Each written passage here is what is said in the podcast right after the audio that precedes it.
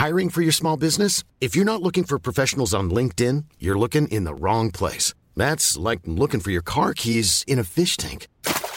LinkedIn helps you hire professionals you can't find anywhere else, even those who aren't actively searching for a new job but might be open to the perfect role. In a given month, over 70% of LinkedIn users don't even visit other leading job sites. So start looking in the right place. With LinkedIn, you can hire professionals like a professional. Post your free job on linkedin.com slash people today. Hi, I'm Daniel, founder of Pretty Litter. Did you know cats tend to hide symptoms of sickness and pain? I learned this the hard way after losing my cat, Gingy. So I created Pretty Litter, a health monitoring litter that helps detect early signs of illness by changing colors, saving you money and potentially your cat's life. Pretty Litter is veterinarian developed, and it's the easiest way to keep tabs on your fur baby's health right at home. Go to prettylitter.com and use code ACAST for 20% off your first order and a free cat toy. Terms and conditions apply. See site for details.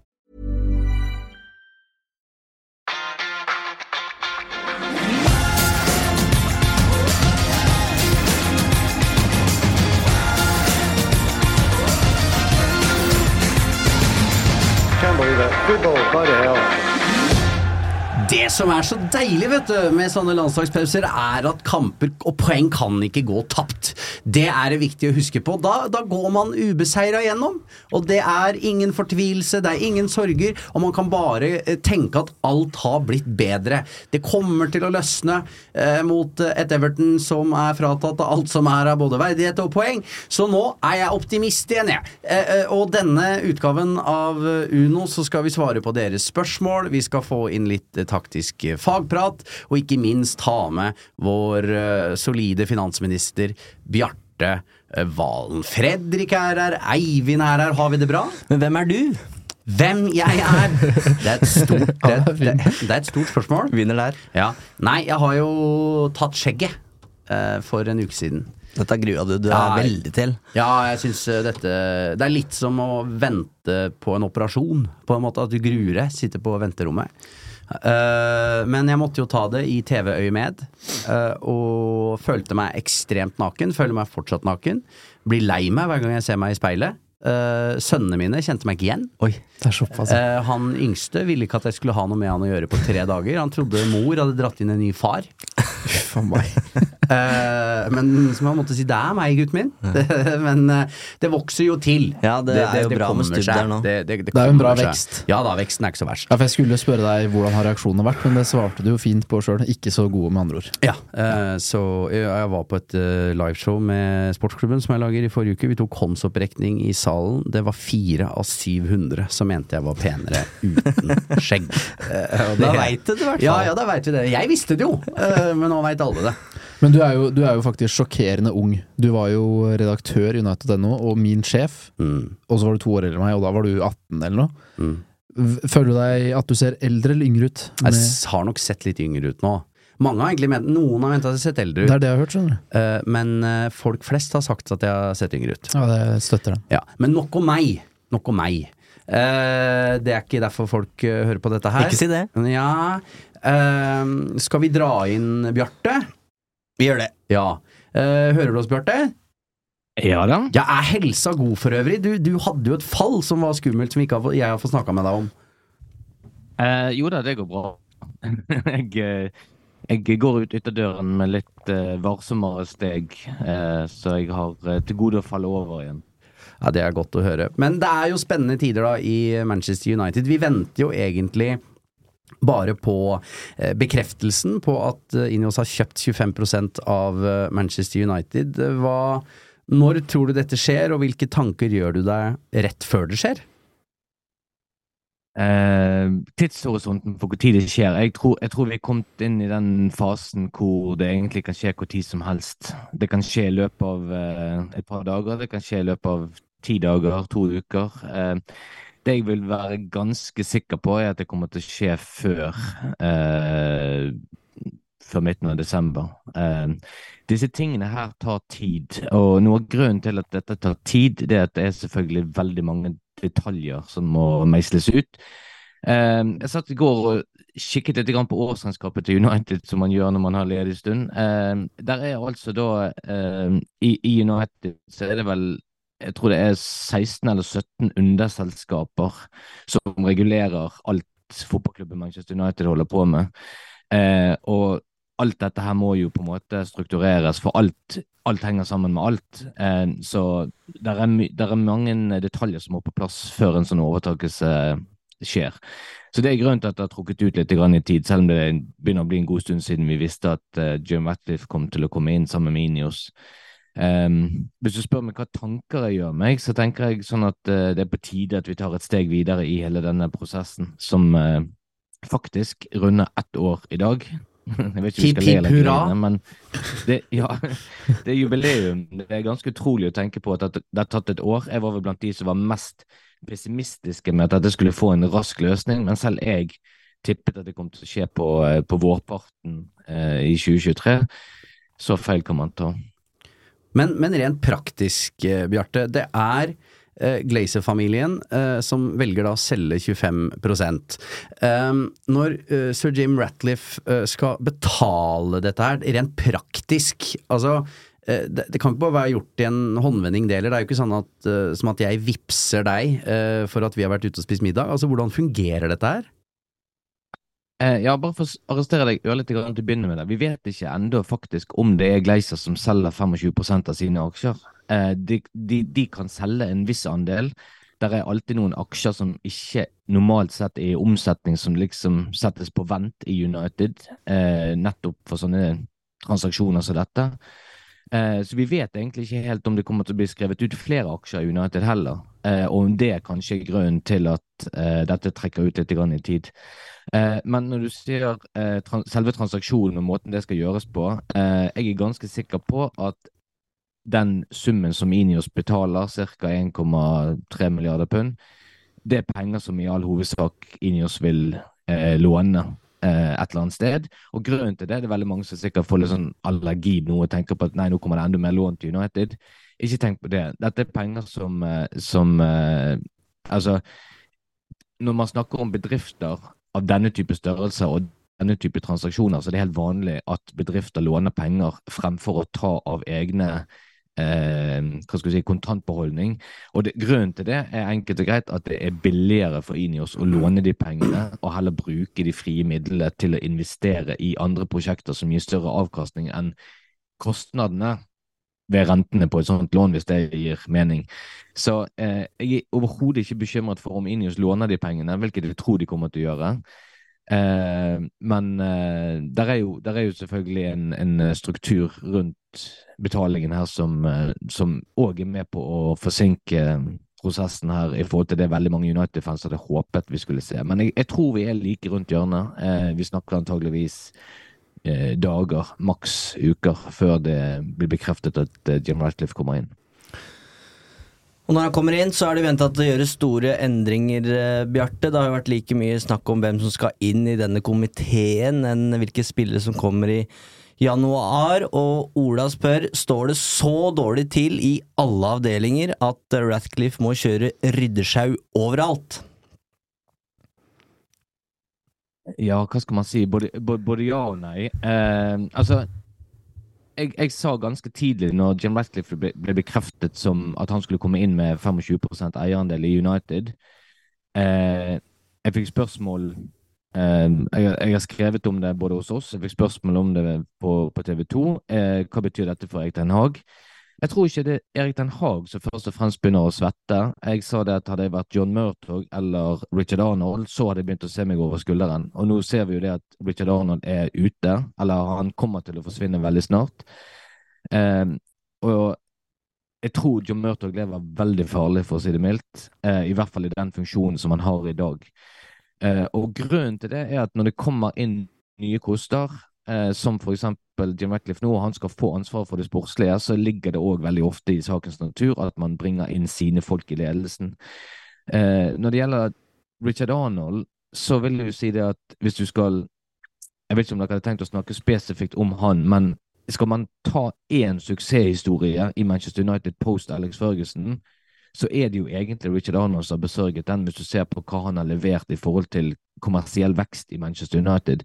Så det er mange som vil si det at ja, det er jo ikke en suksesshistorie eller en solskinnshistorie, for United har fått et mye større fokus på det kommersielle enn det sportslige. Men Richard Arnold har levert på det han ble satt til av Glazer-familien. Han har levert fantastiske tall. Ikke glem det at når han kom inn i Manchester United i 2007, så hadde United en kommersiell omsetning på jeg tror det var 48-49 millioner pund. Eh, nå, når han trakker av, så har United passert 300 millioner pund for første gang i historien. De har fått ny draktavtale med, eller utstyrsavtale med Adidas strekker seg for ti år, fra og med 2025-26-sesongen. Og de har fått en ny hovedsponsor som slår den gamle rekorden til Chevrolet. Så eh, han går egentlig ut av Manchester United med hevet hode på den måten. Eh, men så har jo denne her eh, saken rundt Mason Greenwood og egentlig en uvanlig mye eh, fromling og, og eh, hva skal du si eh, uvanlig for Richard Arnold, som er egentlig kjent for å være en fyr som er veldig god til å ta bes store bestemmelser ganske kjapt. Vi så hva han gjorde med Ronaldo, vi har sett hva han har gjort i en del andre situasjoner.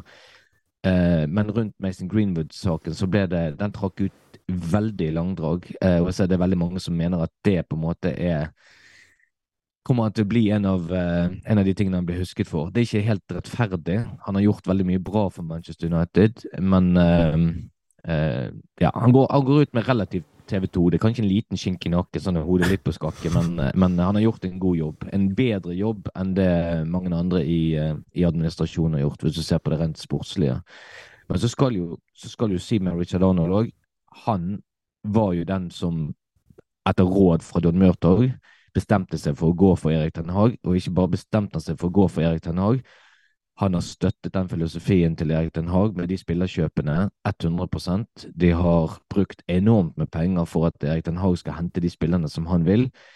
Og nå må vi stille spørsmål med et par av de overgangene, eh, som for eksempel eh, Anthony, som, eh, som jeg tipper Ajax er ganske fornøyd med å ha fått over 80 millioner pund for. Eh, Casemiro er skadet. Eh, han var jo trukket frem av Jim Ratcliffe som et eksempel på en sånn type overgang som United helst burde unngå, fordi han er for gammel. Han er på vei ned. Vi kjøper han liksom akkurat når han står i full blomst, men vi får ikke noe særlig glede av han i et langsiktig perspektiv. Så eh, jeg, tror, jeg tror du kan lese, lese ut av situasjonen når det gjelder Richard Arnold, at der kommer en ny fyr inn jeg ville nesten vært villig til å sette ganske mye penger på at det blir eh, Jean-Claude Blanc. Eh, jeg begynner alltid å mikse den med Jean-Claude van Damme eller Laurent Blanc, men Jean-Claude Blanc er jo den franskmannen som har eh, den unike kompetansen av å være utrolig sterk både på det markedsmessige, men òg på klubbdrift. Han har jo hatt fremtredende jobber både i Juventus og PSG samtidig bygget opp organisasjoner, eh, vært sjef i det franske tennisforbundet etc., etc. Eh, og han ble jo hentet til Inios bare en måned etter at Gleiser sa at United var for salg. Så eh, det er tydelig at Jim Ratcliffe har eh, forberedt seg på å, å, bruke han, i hvert fall. Om han, kommer, om han mot formodning ikke kommer direkte inn i United, så kommer han til å være sterkt involvert i United i sin rolle i Inios, ganske sikkert. Og så er det snakk om sir Dave Brailsford i en eller annen uh, performance-rolle uh, der, og x antall sportsdirektører som kobles til klubben. Og Langelanden spør uh, hva er den største effekten Ratcliffe og co. vil ha på denne sesongen? Fordi én ting er at Ratcliffe skal inn og gjøre endringer, men er det noe vi har lært med dette eierskapet, så er det jo at ting tar så ufattelig lang tid. Ja, det gjør det. Eh, og jeg tror for de som håper på en stor revolusjon i United eh, på det sportslige, på det som skjer på banen, så, så, tror jeg ikke vi skal regne med at det kommer til å skje så veldig mye i, i januar eller i andre halvdel av sesongen. Kanskje det forsvinner noen spillere ut for å rydde litt. Kanskje, kanskje det kommer inn en, en eh, signering i januar som ikke er sånn eh, hva skal du si, signering i 50-60 millioner pundsklassen, men kanskje rett og slett for å tette et hull hvis det er noen svakheter i United-troppen.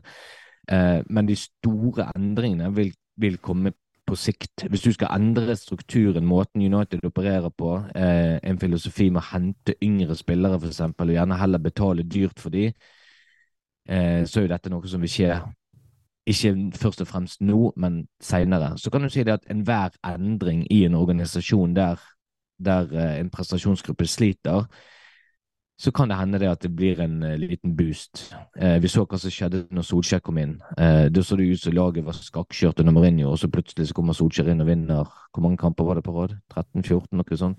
Altså, du, du, kan få, du, kan få, en endring i forhold til at spillerne føler at nå har vi endelig fått en avklaring, og at det kan gjøre noe med humøret, men rent sånn sportslig sett organisatorisk sett, så, så tror jeg vi må ha litt tålmodighet og is i magen for å se de store endringene. Det er strålende, Bjarte. Takk for ditt bidrag. Hold deg på beina, og så snakkes vi igjen eh, snart. Glory, glory, Man United. Sir Alex Rosén. Eh, det er eh, altså for, for en stemmeprakt på den uh, mannen.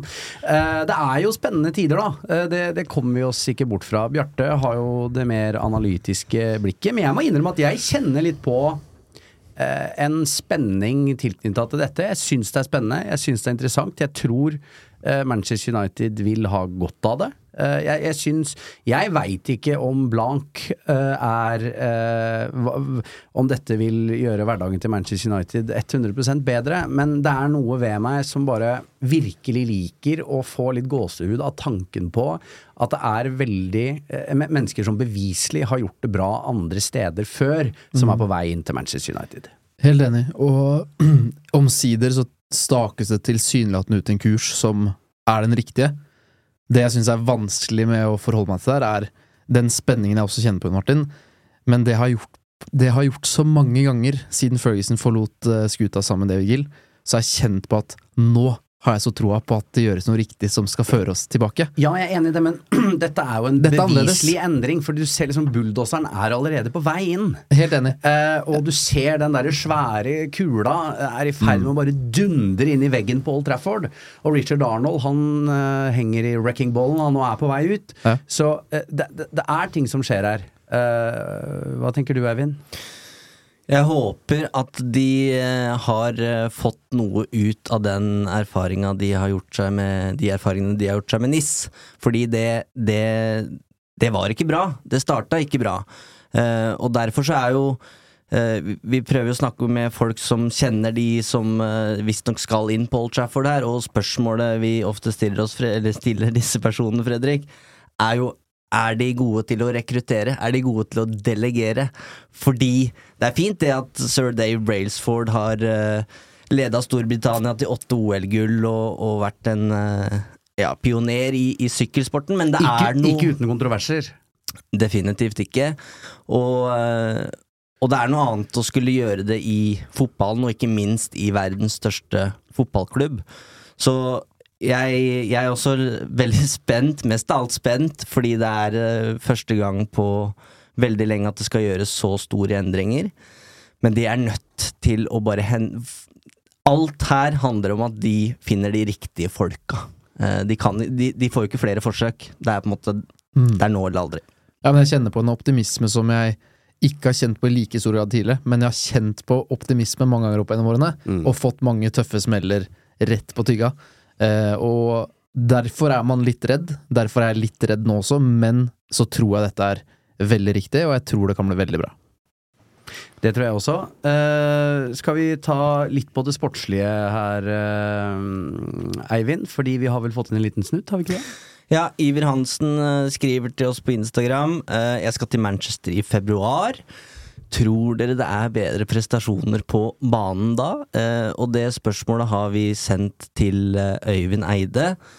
Så han har eh, svart oss på hva Ten Hag egentlig må fikse nå, umiddelbart etter eh, landslagspausen. Ten Hag har jo en eh, ganske stor oppgave foran seg nå, selv om United ligger høyt oppe på formtabellen og plukker mye poeng så er banespillet ikke helt i stil med det vi, det vi ser i, i, formtabellen. Det er særlig to ting som jeg tenker på. Det ene er eh, gjenvinningsspillet, som uh, må bli bedre enn det det har vært. I siste kampen mot Luton så var det brukbart, men uh, ikke noe mer enn det. Grunnen til at det er viktig, er selvfølgelig det åpenbare at man vinner ballen nærme motstanders mål osv. Men vi ser også at Ten Hag sin måte å spille på gjør at de er bedre til å forsvare seg lenger unna eget mål eh, enn det de er å forsvare seg nærme eget mål. Der gjøres det litt for mange feil. Eh, kanskje spillere som ikke er gode nok til å forsvare innenfor 16-meteren osv. Som gjør at laget er bedre tjent med å være gode i gjenvinningsspillet. Det er det ene. Det andre det er spill mot etablert forsvar. Eh, noe som også jeg syns har vært en, eh, en, styrke for Ten Hag. At han er tydelig i spillestilen. Han viser eh, godt hva han vil med å flytte spillere opp, lage overtall mot backleddet til motstander. Men det går litt for seint. Bevegelsene starter et sekund etter at den burde ha starta. Det spilles på en bevegelse som ikke er der. Det er litt for mange misforståelser. I det hele tatt så er det litt sidrumpa. Eh, det handler om flere ting, eh, men det handler først og fremst om at de rette spillerne må være på banen med god nok kvalitet. Eh, og så må de jobbe med samtidigheten i bevegelsene. De må true flere rom samtidig. Nå havner for mange spillere på linje med hverandre. Og de truer samme rom, eller ikke truer rom. Så det må være mer samtidighet i at noen truer mellomrom, noen truer bakrom, og noen truer rommet mellom spillere i backleddet. Dette må skje samtidig. Uh, og det tenkte jeg kanskje skulle være på et høyere nivå enn det er nå. Men uh, det er der vi står nå. Og så har jeg ganske stor tro på at Ten Hag greier å, å, videreutvikle den fasen i spillet også. Ja. Verre var det ikke. Veldig mange som uh, ønsker at Øyvind skal være med i studio. Det gjør vi også, så vi ringer han ukentlig nesten for å få han med her. Men han har en annen jobb òg, så vi har rett og slett ikke fått til å gå opp. Vi har jo ordentlig jobb, han. Ja. ja. vi har våre rutiner, så ja. Men uh, han uh, leverer i hvert fall litt uh, på klipp her. Ja, ja, og han ser jo ting som vi ikke ser, og det er jo det, er jo det fine med dette her. Altså, vi vil jo selv hevde at vi kan det meste. Det syns jo de fleste som sitter og ser på fotballkamp at de har svar på alt, men han har jo et litt annet øye enn oss, så, så, så veldig, veldig bra. Vi var jo veldig nedfor Når vi sto, sto utafor sjappa til uh, Angelo. Angelo. på Old Trafford der etter, etter tross alt seier mot, uh, mot Luton. Mm. Uh, og det er litt spennende hva en sånn landslagspause gjør. Man får ting litt på avstand. Og vi hører jo hva Øyvind sier her om hva som må bli bedre med gjenvinning. og dette med å skape ting mot etablert forsvar. Det jeg syns er ille her, er at det, det kunne vært den taktiske analysen av Manchester United de siste ti åra. Ja, det, det, de ja, uavhengig manager. Det er det de har slitt, ja, sliter med. Men uh, spørsmålet er jo er tilliten vår der til at det blir bedring nå uh, mot Everton, mot Galatasaray og, og, Newcastle? For det er, det er kritiske kamper. Det er rett inn i nye finaler her. Ja. Fredrik? Nei det, Og det handler mer om spillerne enn om Ten Hagen, egentlig. Fordi Samtidig som jeg mener at Ten Hag skal få mer ut av sine nest beste, så henger dette selvfølgelig også sammen med at de beste har vært utilgjengelige. Og da er det vanskelig å få til dette, for det krever en høyere kvalitet enn det de nest beste har. Så Derfor er ikke tilliten så stor til at dette bare plutselig skal sitte. Fordi Ten Hag jeg tror han beordrer spilleren til å gjøre dette på trening hver dag, eller så ofte han har mulighet til å trene med dem. Um, grunnen til at det lå er fordi vi har fått høre at det er ikke så ofte United-spillerne har mulighet til å trene, for det er mye restitusjon mellom alle disse kampene.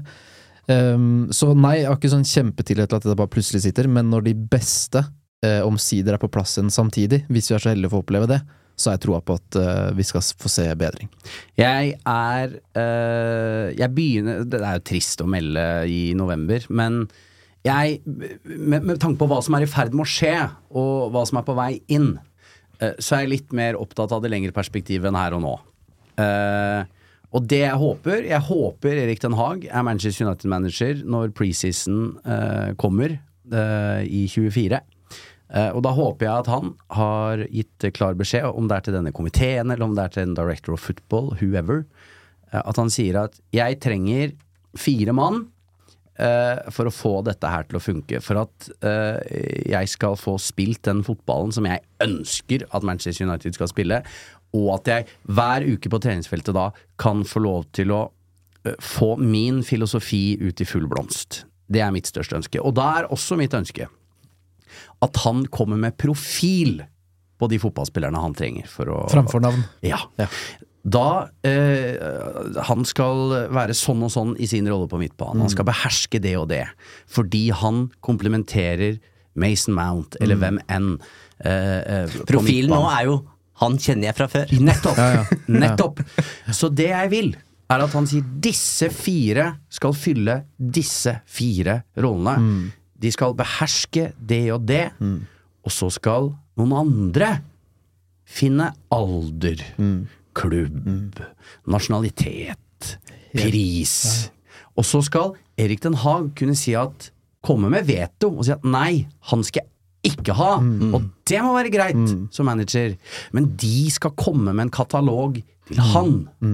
Og han kan godt si at jeg har tenkt at Frenke passer fint der, Ja, ja. Men, men det er ikke Altså, her skal dere gi meg en med de Ja, kvalitetene. Helt kan, enig. Ja, og han kan gjerne komme og si 'disse fire navnene vil jeg ha', og så kan denne transferkomiteen si 'nei, du kan få én. Mm, mm. Fordi disse her er for gamle, disse er for dyre, disse er hva enn. Og det er liksom dette jeg er så spent på. Det er jo dette jeg har messa om siden faktisk Fergusons tid. eh, som gjør at jeg eh, er så spent på dette her, da.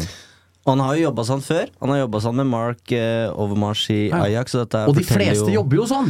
Ja, eh, og det kan jo, er jo bare å gå nedover i feeden og, og lytte til episoden med Elko Born, så får man eh, alt om det som skjedde der. Eh, så, så det er jo ikke en tanke som vil være fremmed for han. Mourinho vil jo ikke ha en sportsdirektør. Han, nei, han er gammel manager. Skulle jo ha makta si. Eh, og så håper jeg også at de kommer inn, og så klapper de Erik Den Haag på skuldra, og så sier de Vet du hva, nå skal du få lov til å være fotballtrener.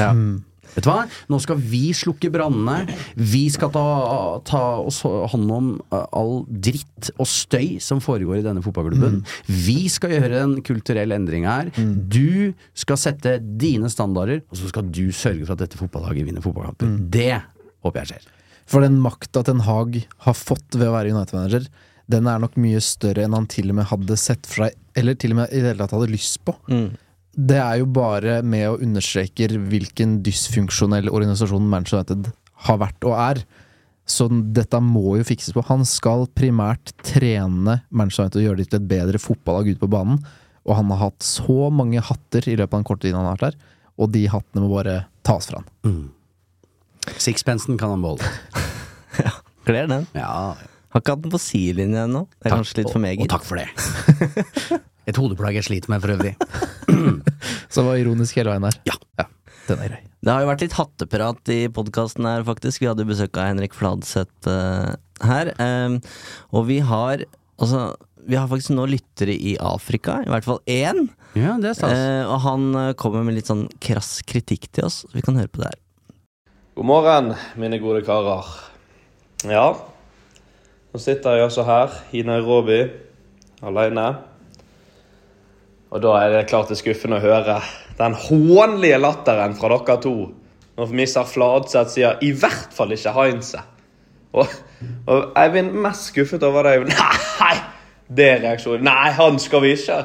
Hva han skal vi ikke ha til Nei. Ah, Nei da. Men jeg håper nå dere får en fin arbeidsdag selv hvert fall ikke Heinze. Fy faen. En skuffet Henrik Fladseth uh, i Nairobi der. Uh, Henrik Fladseth i Nairobi. eh, Henrik Fossedal, ja. Nå Fossedal, var det litt i ball her med Henrikene. Han er jo stor Gabriel Heinze-fan, har vel erkjent det i podkasten før. mens Fladseth var ganske klar på at han skulle ikke ha Heinze inn i dagens United-lag, i hvert fall. Av de gamle heltene. Ja, men jeg, jeg, Stryk helt, er ikke noe helt. Nei, ja, for Henrik Fossedal, så er han jo det. Ja, men vi, vi tar kritikken, og spesielt du, Eivind. Men apropos Fladseth, fordi eh, du har selv sagt, Jon Martin, at du var til stede da Fladseth kjørte sin eh, famøse, obskøne gest mot disse Basha-familiene. Få høre din opplevelse av situasjonen der. Nei, sånn jeg husker det. Altså, det var en lang dag, dette her, for vi tok, øh, tok Kjørte bil fra London til Manchester. Det var en snodig oppstilling av en bil. Det var Martin Jøndal var sjåfør. Fladseth satt foran. Ole Sova med. Eh, Det var eh, andre standup-komikere, og så var det krimkommentator Øystein Millie og datteren, og så var det jeg og en katalaner, eh, som er en kompis av meg, som skulle stå i motseksjon på Så det var en brokete forsamling som, som kjørte motorveien der. Og så var det fint vær i Manchester, og vi satt oss ved noe Satt på en pub i Northern Quarter der, og så kjører Fladseth en dobbel luftrunk, og det var nedrig. Altså, det var Kom igjen da, kamerat, dette her holder ikke, Henrik. Uh, men eh, for all del, eh, jeg er jo veldig glad i Flatseth. Han er en strålende mann. Uh, men der traff han ikke. Og da, han, har jo, han kjenner jo til uttrykket 'bombe' fra scenen uh, som standuper, og der bomba han. Ja. Ja.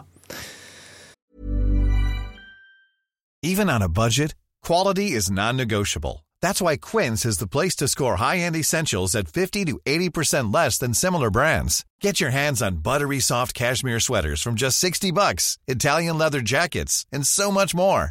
And the best part about Quince, they exclusively partner with factories committed to safe, ethical, and responsible manufacturing. Elevate your style without the elevated price tag with Quince. Go to quince.com slash upgrade for free shipping and 365-day returns. Hiring for your small business? If you're not looking for professionals on LinkedIn, you're looking in the wrong place. That's like looking for your car keys in a fish tank. LinkedIn helps you hire professionals you can't find anywhere else, even those who aren't actively searching for a new job but might be open to the perfect role. In a given month, over 70% of LinkedIn users don't even visit other leading job sites. So start looking in the right place. With LinkedIn, you can hire professionals like a professional. Post your free job on linkedin.com/people slash people today. Denne episoden er sponset av Hello Fresh. Nå som det drar seg mot slutten av en lang sesong, trenger vi United-supportere skikkelig næring. Med gode og ferske råvarer fra Norge gjør Hello Fresh det til en lek å lage de herligste retter fra hele verden. Du velger bare hvor mange som skal spise, og hvor mange oppskrifter du ønsker ukentlig. Så får du alle ingrediensene du trenger, levert på døra. Personlig syns jeg det beste med Hello Fresh er at du kan skreddersy din egen ukesmeny. Du kan velge fra fem forskjellige kategorier. Vegetarisk, familievennlig, rask og enkel, fisk og grønnsaker, og smaker fra hele verden. Med 25 fristende oppskrifter hver uke kan du bli like uforutsigbar på kjøkkenet som Garnaccio er på Vingen. Selv må jeg si jeg er spesielt svak for asiatisk taco og den portugisiske kyllingburgeren. Som Uno-lytter kan du få opptil 1779 kroner rabatt på de seks første matkassene dine, og gratis frakt med første leveranse. Så det er bare å komme seg inn på hellofresh.no og bruke koden FreshUnited. Dette gjelder for de som ikke har prøvd HelloFresh ennå, og for de som tidligere har vært kunde, men som har stoppet abonnementet for minst tolv måneder siden. Ja, nei, men øh, vi beklager til Henrik øh, Fossedal. Han styrer jo Instagram-kontoen vår nå fra Afrika, så det er jo litt, det er litt stas. Kanskje vi får en øh, videosnutt eller noe fra en, en rapport fra Red Army Cape Town eller noe sånt. Noe. Gjør oss store. Ja, gjør oss store. All right, vi har fått mange spørsmål. øhm, og det ene handler om Skal vi se, Varan. Mister vi Varan i overgangsvinduet? Eh, vi kan ikke utelukke det, sånn som situasjonen er nå. Ehm, så mistenker jeg at han er eh, misfornøyd med spilletid. Han har lyst til å spille fotball. Han, Du trenger vel ikke å mistenke det? Trenger ikke mistenke det. Det sier seg selv. Det, sier seg. det, var, det var eh, sagt med en ironisk distanse at jeg mistenkte det. Han er selvfølgelig ikke fornøyd med å spille fjerde- eller femtefiolin, eller hva det nå etter hvert har blitt. Eh, og så trenger det ikke være så mye mer dramatisk enn at han har lyst til å spille, og er uenig i at han ikke får spilletid. Eh, så jeg skal ikke utelukke det om det dukker opp et eh, fint tilbud fra um, Saudi-Arabia eller noe sånt. Så vet jeg ikke om han vil dit, men eh, jeg, jeg ser ikke helt Jeg utelukker ikke det helt, nei. Men det er vel ikke en konflikt der på samme eh, eskaleringsnivå som mellom Sancho og Ten Hag. Eh, her skal det være en god dose profesjonalitet i miksen.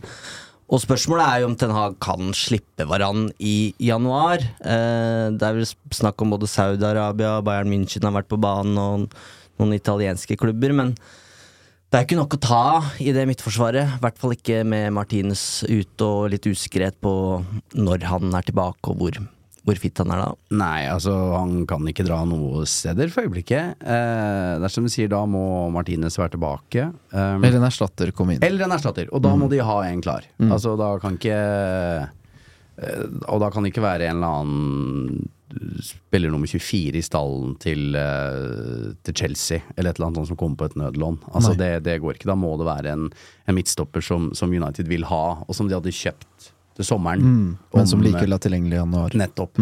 Så eh, all, først og fremst så syns jeg eh, opplegget her er litt trist, for eh, han er en jæskla god midtstopper. Mm.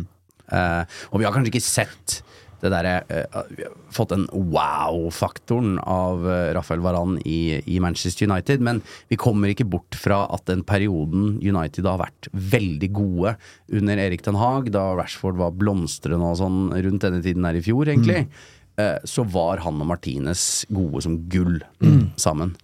Uh, og det er synd at vi ikke får se. Jeg syns det er litt underkommunisert at egentlig skal Varan erstattes veldig snart uansett. Fordi han kan ikke stoles på på den måten at vi vet ikke hvor mange kamper han tåler. Det er sjelden Uten at jeg har tallene foran meg her nå, så er det sånn Det føles ut som det er sjelden at han tåler fire kamper før han er ute en periode. Og det å danne en stopper du jo der Martinez er langvarig nå, og Varan også. Du, du har ingen du kan stole på skal være fast der, og det er ekstremt viktig, selvfølgelig. Så jeg tror Problemet mitt med er at når Varan er frisk, skal han selvfølgelig spille, mens for Ten Hag tror jeg det er et problem at jeg veit aldri når han er tilgjengelig for meg, så her må vi sannsynligvis ut og erstatte den snart uansett. Så jeg tror ikke det jeg tror ikke dette er en spiller Ten Hag regner med på sikt uansett, og derfor er det kanskje lettere å ta de valgene han tar nå, men som er det frustrerende at spillere som Evans og Lindløv blir prioritert foran Varan når Varan er frisk.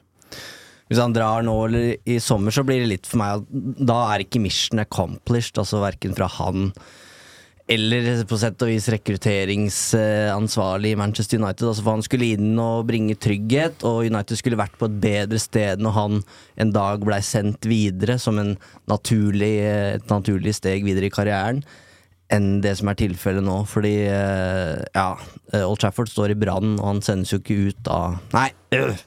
Eh, Jeg hadde trua på det her, ja. så jeg er litt skuffa, for å være ærlig. Ja, ja, men han er jo på en måte litt symbolikken i transferpolitikken til Manchester United, han også. Eh, han er i en alder Men tenkte du det, da? Når han signerte at her er en ny Sanchez, Nei, det, nei, det tenkte jeg ikke. Og så er også midtstopperposisjonen litt annerledes enn det å være wing eller sentral midtbane, som krever en litt annen motor og bein. Men han, han, han vil jo bli huska.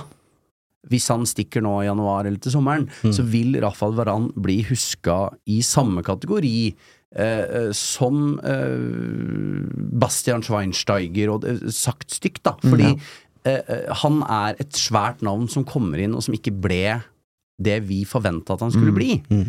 Eh, og det er jo mye enklere og, og hvis United eh, som en tankeeksperiment kjøper en midtstopper på 23 år til sommeren, eh, så er det på en måte enklere å feile i det, på en måte, fordi da har de tenkt annerledes. Eh, enn å hente inn en som har opplevd og sett alt. Eh, og jeg tror ikke han er mett. Bare sånn, altså, Nei, nei, det er jo har- kroppen hans som Ja. ikke spiller på lag, og det var det som var det store spørsmålstegnet knytta til hverandre han kom også. Jeg var veldig usikker på hvor mye tåler kroppen hans, for det var en stygg skadehistorikk der. Mm. Uh, og så synes jeg at selv om vi vil se tilbake på at det blei aldri så bra som det kunne blitt, så synes jeg samtidig at det er veldig tydelig at de tingene Øyvind Eide påpeker at det burde bli bedre på, at de er bedre til å forsvare boksen sin, eller de er bedre til å forsvare seg høyere opp i banen, da er det også veldig mye bedre med Varan på banen. Det er veldig synlig at de tør å etterlate seg mye større bakrom når Varan spiller kontra den andre spiller. Så han er jo veldig viktig, og han gjør nok veldig mye usynlig som skaper en enorm trygghet for lagkameratene. Men det er ikke lett Han er ikke Rio og Vidic i presence eh, for oss tilskuere, men for lagkameratene tror jeg han har betydd utrolig mye, og at han er et stort savn når han ikke spiller. Ja, ja, og jeg liker han veldig godt, bare så det, Mm. bare så det er sagt. Ja, eh, hadde han bare holdt seg til planen? Han skulle jo egentlig til United istedenfor Madrid. Ja, og moralen er Nok en gang, Real Madrid, Bayern München De selger ikke fotballspillere de vil ha. Nei. Det er en grunn til at de selger dem. Hvor mange inn og ut i januar, spør Venicius. Prøver jeg meg på der. Det er umulig å svare på. jeg. Ja, Historisk sett er det ikke mange navna som verken kom inn eller ut, blir er vel det et nødlån, da. Ja, og spesielt med den perioden man er inne i nå, så er det sånn da, Som du sa jo, Martin, at da må det være at overgangsmålene for sommeren allerede er skrevet ned på papiret. Disse går vi for, og så viser de seg å være tilgjengelige i januar likevel. For eksempel Todibo. Hvis Varan forsvinner og Todibo er eh, Eller Todibo eller åssen når man, når man sier det. Eh, hvis sånne typer spillere er tilgjengelige, så håper jeg United går for det, men så er det også urealistisk egentlig å tro at United skal eh, smelle ut store summer for spill i januar. Det er stort sett lån eller billig signering man går for, da. Og da kan vi for min del heller styre unna med mindre det er krise. Ratcliffe gjør nesten det motsatte av det han sier han skal, hvis han smeller ei, ei liste på tre spillere som skal inn i januar i bordet når han kommer og sier 'nå skal vi handle'. Mm. Det som gjør ting litt annerledes her, er jo nettopp Sancho, eller nettopp Varan og Sancho-situasjonen. Mm. Eh, Det er ikke utenkelig at de, eh, eller i hvert fall Sancho, forsvinner, og det kan jo frigjøre både midler og, og plass i garderoben. Mm.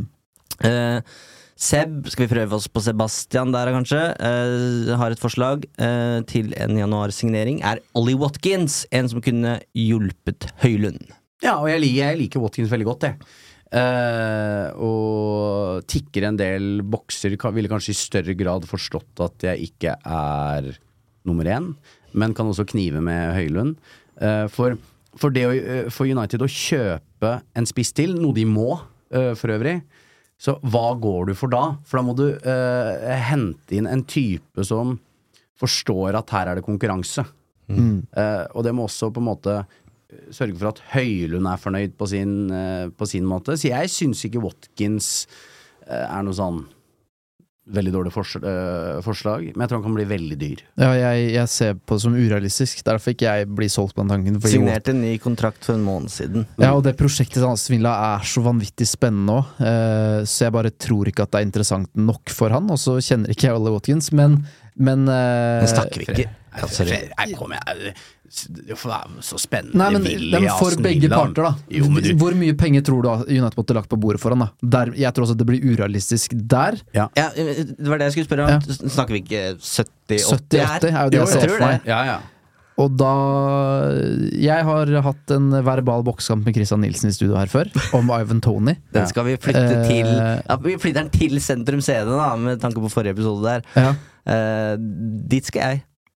Ja. Hvis du skal bokse mot Christian Nilsen, ja. Om Ivan Tony, Ja. vinneren for uh, sin spiss. Da skal jeg, ja, men, sånn, Christian Nilsen han har sett mye, vært mye på tur, og. Du kommer til å få så Ja. juling.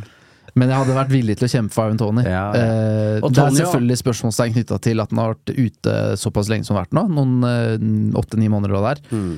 Men det er en spiller med mange kvaliteter, og som kanskje passer den eh, rotasjonsrollen i United enda bedre. da Ikke så stor stjerne som Watkins spiller jo faktisk for en toppklubb i Premier League nå. Eh, Det kan vi ikke si at Brentford er, selv om de også gjør mye riktig og er et bra fotballag.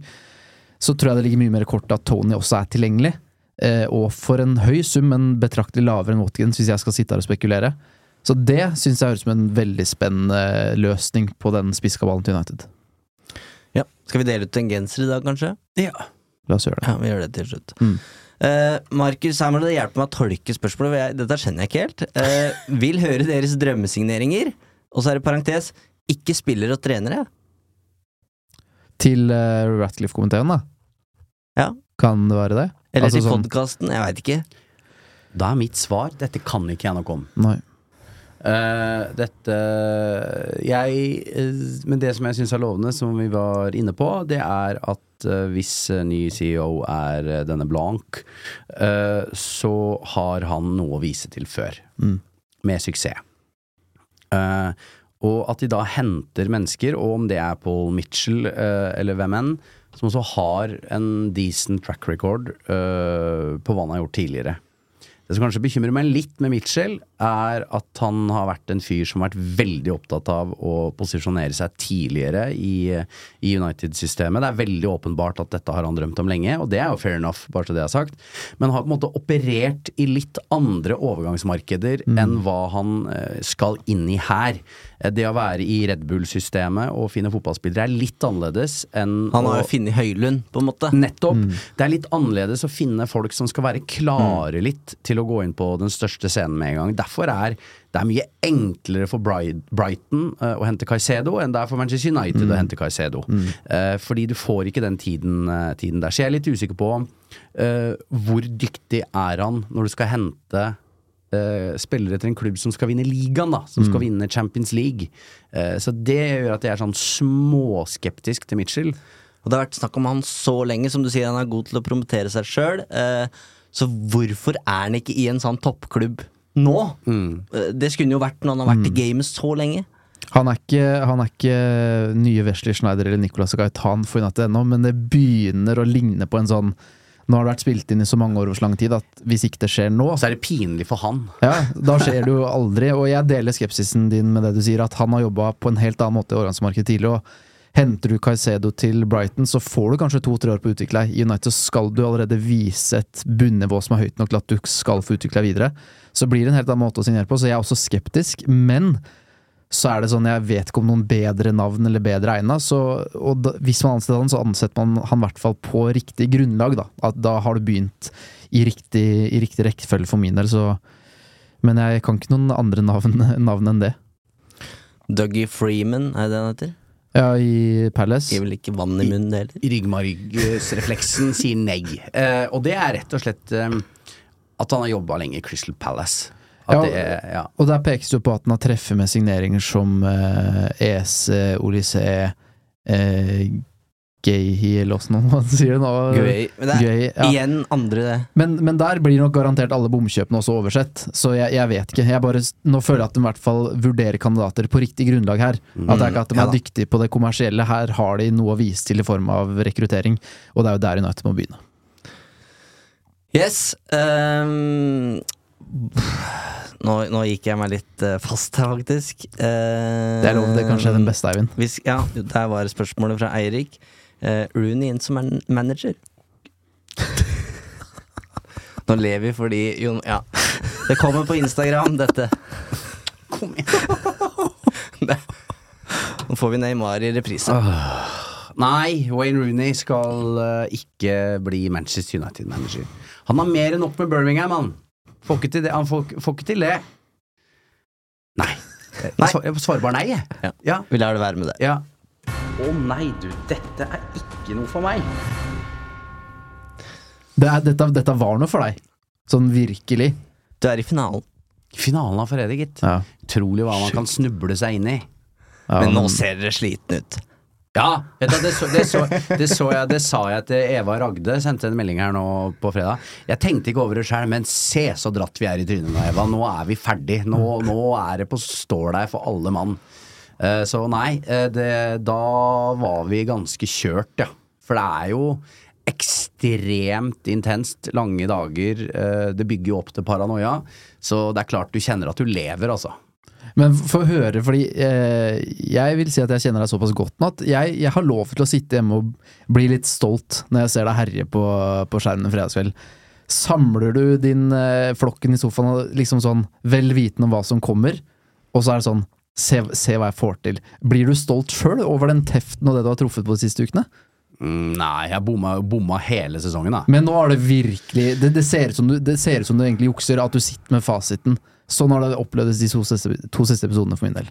Nei, men du er, du er ikke eh, Selv om jeg da var veldig sikker på hun Tamanna, og veldig ganske Følte meg Morten var eh, Du, du, du, min sønn Brutus. Eh, Så, er du, så kan du ikke være helt sikker heller, fordi du, du har jo bomma og bomma og bomma og sendt ut eh, gode eh, gutter og jenter i tur og orden. Så en, det er en iboende usikkerhet der hele tiden. Og så kan det jo hende at det er noen twister som kommer til å komme på målstreken her, og som gjør det enda vanskeligere Ikke eh, å vite hvem kjeltringene kan være. Så, så Det er mye ja. som forsvinner i klippen. Det er jo masse samtaler og scener som vi ikke får se, og det reagerte jo jeg litt på i forrige episode. Der syns jeg det var en logisk brist. At alle plutselig var så enige om at Morten måtte være forræder ved frokosten. Han blei jo nesten halshøgd der på, på frokostbordet. Um, men det er vel noe av grunnen til at vi Ja, så kunne de sikkert klippe det enda sterkere siden han overlevde òg. Ja. Så eh, Mens min gode venn uh, Petter avgikk med døden. Så Ja. det Sånn er livet. Sånn er det. Apropos livet, spørsmål fra Myr. Eh, ja, det var, var noen y-er der. Ja. Hvordan ble dere kjent? Noe spesielt dere husker fra første gang dere møttes? Vi begynner med dere to, da. Vi møttes i München, var det første gang vi møttes?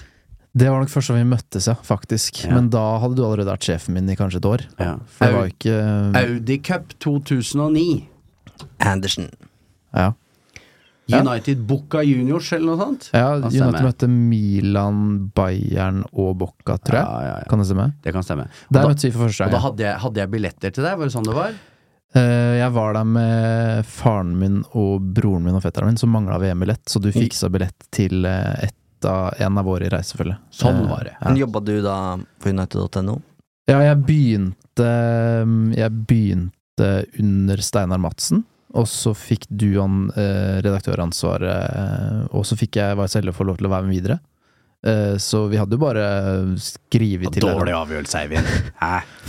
Nei da. Ja, det er du som har da. redda min karriere her. Du har jo vært en døråpner for meg til både en og andre, så bare skulle bare mangle at det var vi som tok inn deg her eh, da vi starta podkast. Dro meg inn fra gata, ja.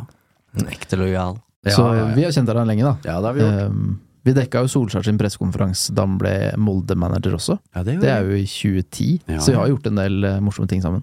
Absolutt. Jeg kom inn etter eh, at du var Rydda opp, du. gått videre til TV 2. Og så møtte jeg jo deg, Fredrik, på et julebord for første gang, tror jeg. På Larris eller noe. Ja. Da måtte Fredrik hjem, for han skulle spille fotballkamp dagen etter. Det er julebordet sitt, Eivind. Det- Han var jo ikke skada, det var jo det, det som er mest overraskende. Ja, det var faktisk ganske overraskende. Ja. Men uh, liten morsom historie er at uh, da du ble fast ansatt i supportklubben, så var det Det sto mellom to stykker, og det var meg og Eivind.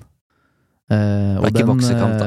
det ble ikke boksekamp, men den var det Eivind som fikk, tilbake i 2016, eller? Ja. Var det da, ja? Så da, da skulle jeg på bryllupsreise til New York- New York og tok med meg et avslag på en uh, jobb på målstreken på flyturen der.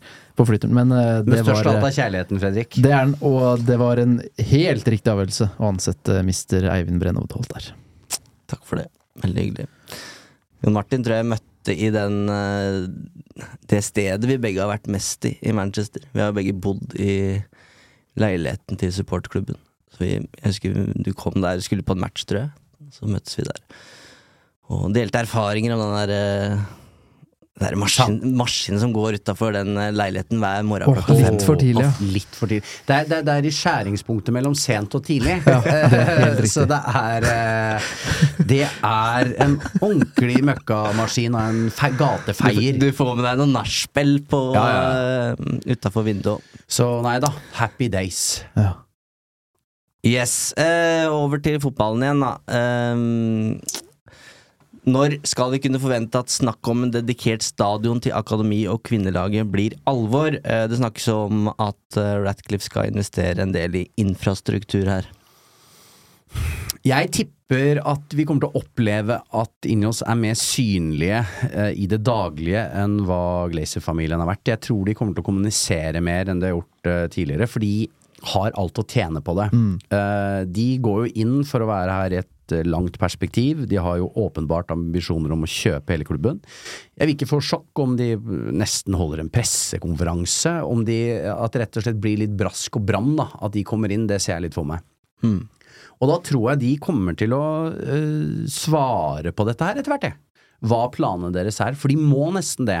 Fordi eh, de er avhengig av å få litt goodwill hos fansen med en gang. De har tidenes mulighet til å på en måte si at nå blir det endring her. Så må de finne balansen mellom å For de skal jo samarbeide med Glaze-familien, de er majoritetseier. Eh, eh, så eh, de kan jo ikke kaste de under bussen på noen som helst måte. Men eh, jeg eh, tipper de kommer til å bli eh, synligere. Du, vi veit jo fra før at han Brailsford blant annet, han liker jo å gi et intervju til Sky og, og, og sånn type ting. Eh, han liker å være i spotlighten, ser det ut til. Så eh, jeg tror vi kommer til å få en del svar, jeg ganske tidlig, eh, på hva slags planer disse her har. Og det, det håper jeg fordi de, de trenger jo ta avgjørelser som er populære både for klubben og for supporterne, uten at altså, Det vil naturligvis handle om investeringer, men at de klarer dette uten å lage et sirkus, være synlige og skape tillit på den måten her. På en helt annen måte enn det Glacier som vi har gjort, da, som bare Spennende kommer bare tankestasjonen, spennende å se om han er på Old Trafford mot Everton. Ja.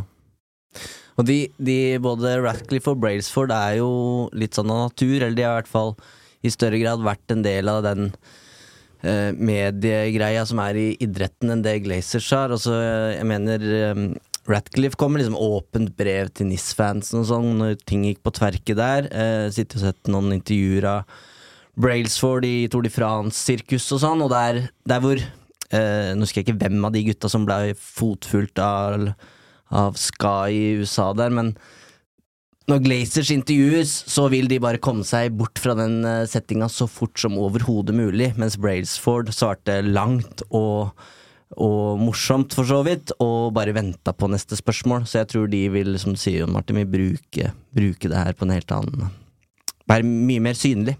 Og her har jeg tillit til at det er noen investeringsfolk som har klubbens beste interesser i tankene. Og at de der, hvis de vil bli konfrontert av media på en tidspunkt fordi de har gjort noe galt, så vil de kanskje ha en forklaring på hvor de gikk galt, mens Glazers rømmer jo fra dette rampelyset fordi de vet at de skal bli grilla for noe de faktisk har gjort og påført klubben negativt. Mm. Så her er utgangspunktene sånn totalt forskjellige også. Hvor langt er Isak unna debuten, spør Petter. Har du spilt U21-fotball for landslaget nå? Ja, han spilte vel for Tyrkia sen Nei, for, for. for Det hadde vært Norge! en nyhet! Den er kjempenews. For Norge U21 mot Tyrkia i Tyrkia i går, altså Hvilken dag er det i dag? Jeg er, jeg er, Det Wow. er ikke interessant på en enklere måte. tirsdag. Stakkars. Er det tirsdag Er i dag? tirsdag? Hvor- Det er onsdag i dag, ja. onsdag i dag. Ja, i går tirsdag. I sånn, går tirsdag. Eh, nei, den uh, lenger enn vi skulle tro og håpe, tror jeg. Mm. Eh, det var så mye som tyda på at han kunne begynne å nærme seg A-laget basert på det vi har hørt tidligere, med hvor imponerende han har vært på trening, og at han spilte på Ullevål, hadde en mållinje der og fikk være med på litt. Så røyk han vel som sistemann, som ikke fikk være med på resten av preseason. Og så fikk han ikke dra ut på utlån, så nå er litt usikker på hva som skjer med framtiden hans, rett og slett. Ok, en siste jingle før vi runder av. Mountains are there to be climbed, aren't they? Den sitter, den. Ja, den der syns jeg du har jobba godt. Ja, det er jo både jeg og Fredrik som har gått inn i jingle eh, Kanskje du har en fremtid innen eh, jinglemakeri, du og Fredrik? Det er ikke jeg som har lagt på tordenvær, og altså, jeg har bare sagt stemmen til Ole og det han sa er fin, og så har eh, Eivind Tryll her, så jeg har ikke framtid som Sammen Er det liksom Thor og Steinershagen som sitter her, er det det du sier? Nærmer seg. Ja. Det nærmer seg. Vi tar gjerne innspill til jingler. Um, Rubergst. Beste spisestedene i Manchester om dagen? Skal du røpe din perle, eller ble jeg så skuffa? Er det et det- dilemma nå? Men du blei ikke sånn Du, d- d- Du Du blei jo skuffa, ble skuffa sist, så det er Ja. ikke, kanskje ikke en anbefaling heller. Bella Italia. Ja. Nei, altså, jeg tror jo eh, Jeg Jeg kan begynne. Ja, begynn du. Fordi eh, dette får vi ofte spørsmål når vi er på tur. Og i hvert fall hvis det er de som reiser for første gang, så sier jeg alltid Stikk ned på Printworks. Der har du så mange alternativer, og så får du virkelig se eh, hva Manchester United har å by på på kveldstid og, og nattestid. På godt og vondt, ja. Det er jo der dette legendariske bildet fra nyttårsaften er, eh, er tatt. Ja. Eh, Der har du litt muligheter. Det er noen turistfeller der, selvfølgelig, men der er det puber og barer og restauranter kan du velge å, å vrake. Så hvis du ikke har vært i Manchester, begynn der. Det er midt i byen. Jeg syns vi spiste god burger da vi var på tur nå, Eivind. Ja. Hva het det der? Almost famous heter den. Den var bra. Ja, var det. Absolutt. Eh, og så anbefaler Fredrik varmt å ta seg en pint på puben Mulligans eh, bak din skate her, for der er det live music. Oi, Eh, oi, oi. Du skulle sett han fikk rockefot da det var en decent cover av I Walk the Line, var det ikke det? Jo. Eh, Jeg er svak for Johnny Cash. Ja. Den, eh, ja. Så, eh, så gå på, ta deg en tur på Mulligans. Eh, og det mener jeg faktisk. Det er, Ja, det mener jo ikke jeg, da, Nei, men det jeg mener det. Det er Ja. godstemning og uh, også vegg i vegg ligger jo San Carlo, da, det kan vi jo si. Eh, mange syns jo det er stas å se at det kanskje dukker opp en fotballspiller eller to som skal ut og spise middag, og det er det vel størst mulighet eh, for, å, for å finne der. I tillegg til van Gals eh, Wings. Ja. Wings. Eh, denne asiatiske perlen som også ligger litt bakafor, litt lenger opp i retning Hilton eh, i din skate. Bak der. Siden du, siden du nevnte San Carlo, da, så jeg har vært der eh, mange ganger. Jeg har sittet på ved siden av Heidar Helgusson, Hmm. eh, Davide Petrucci og El Haji Diouf. Så El da- Haji- El Haji Diouf har jo vært der eh, meget eh, da han eh, jeg faktisk- jeg faktisk, hadde vel eget bord der òg. Ja, jeg har vært og spist der med Morten, og da fikk du bare mat. Da, da sa du ikke fra hva du skulle ha, da fikk du bare servert. Eh, og Gamsten var jo inne og smakte når de skulle ha nye menyer og sånn. Så ble G- G- Gamsten sendt inn for å smake. Jeg har faktisk sittet der og spist ved siden av Sir Alex, jeg. Han var der en gang, rundt lunsj. Uh, så jeg satt, han satt på bordet ved siden av meg i de der halvavlukkene. Ja, fordi det jeg skulle bare si om El Hardio, for jeg tviler på at Sir Alex betalte på samme måte. Det var, altså det var Cash. fram med Altså Han bare dro ut disse 20-pund-sedlene på den måten der. Og så ba, Han bare viste alle hvor mye penger det var, og så samla han dem sånn, og så bare la han dem på bordet. Så han skulle bare vise først, da. Med sånn gulltenner og litt uh, type. Og så er det mange fine puber, syns jeg, nede i Castlefield. Eh, veldig koselig der. Og Northern Quarter er det også koselig å bevege seg i.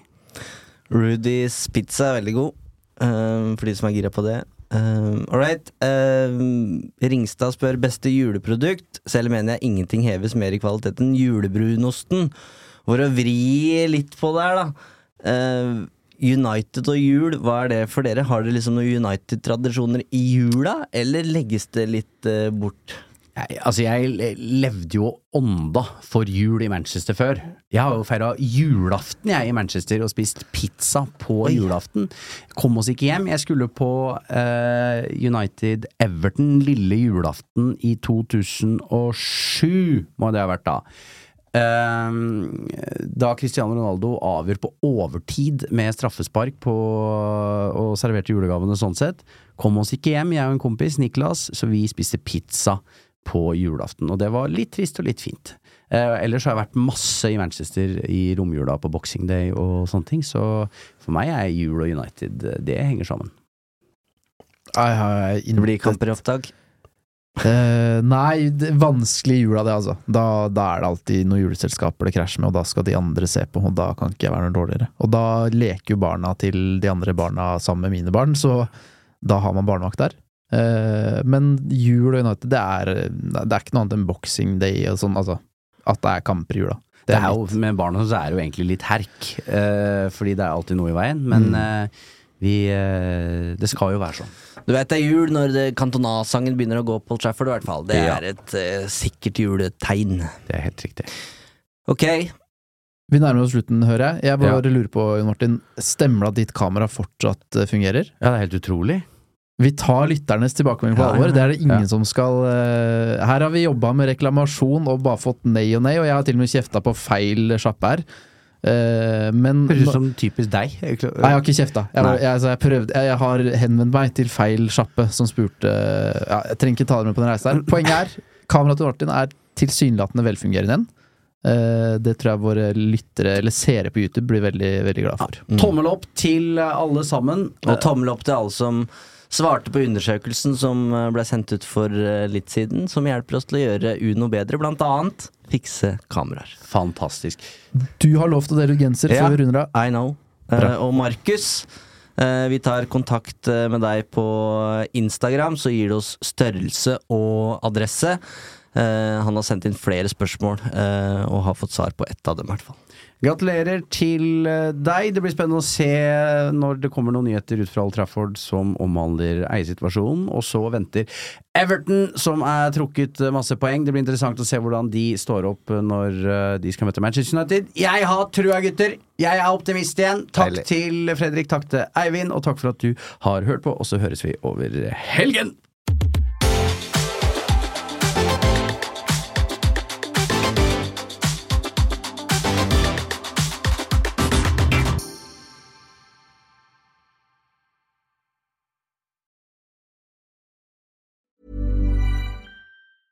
Mom deserves the best, and there's no better place to shop for Mother's Day than Whole Foods Market. They're your destination for unbeatable savings, from premium gifts to show-stopping flowers and irresistible desserts. Start by saving 33% with Prime on all body care and candles. Then get a 15-stem bunch of tulips for just $9.99 each with Prime. Round out Mom's menu with festive rosé, irresistible berry chantilly cake, and more special treats. Come celebrate Mother's Day at Whole Foods Market.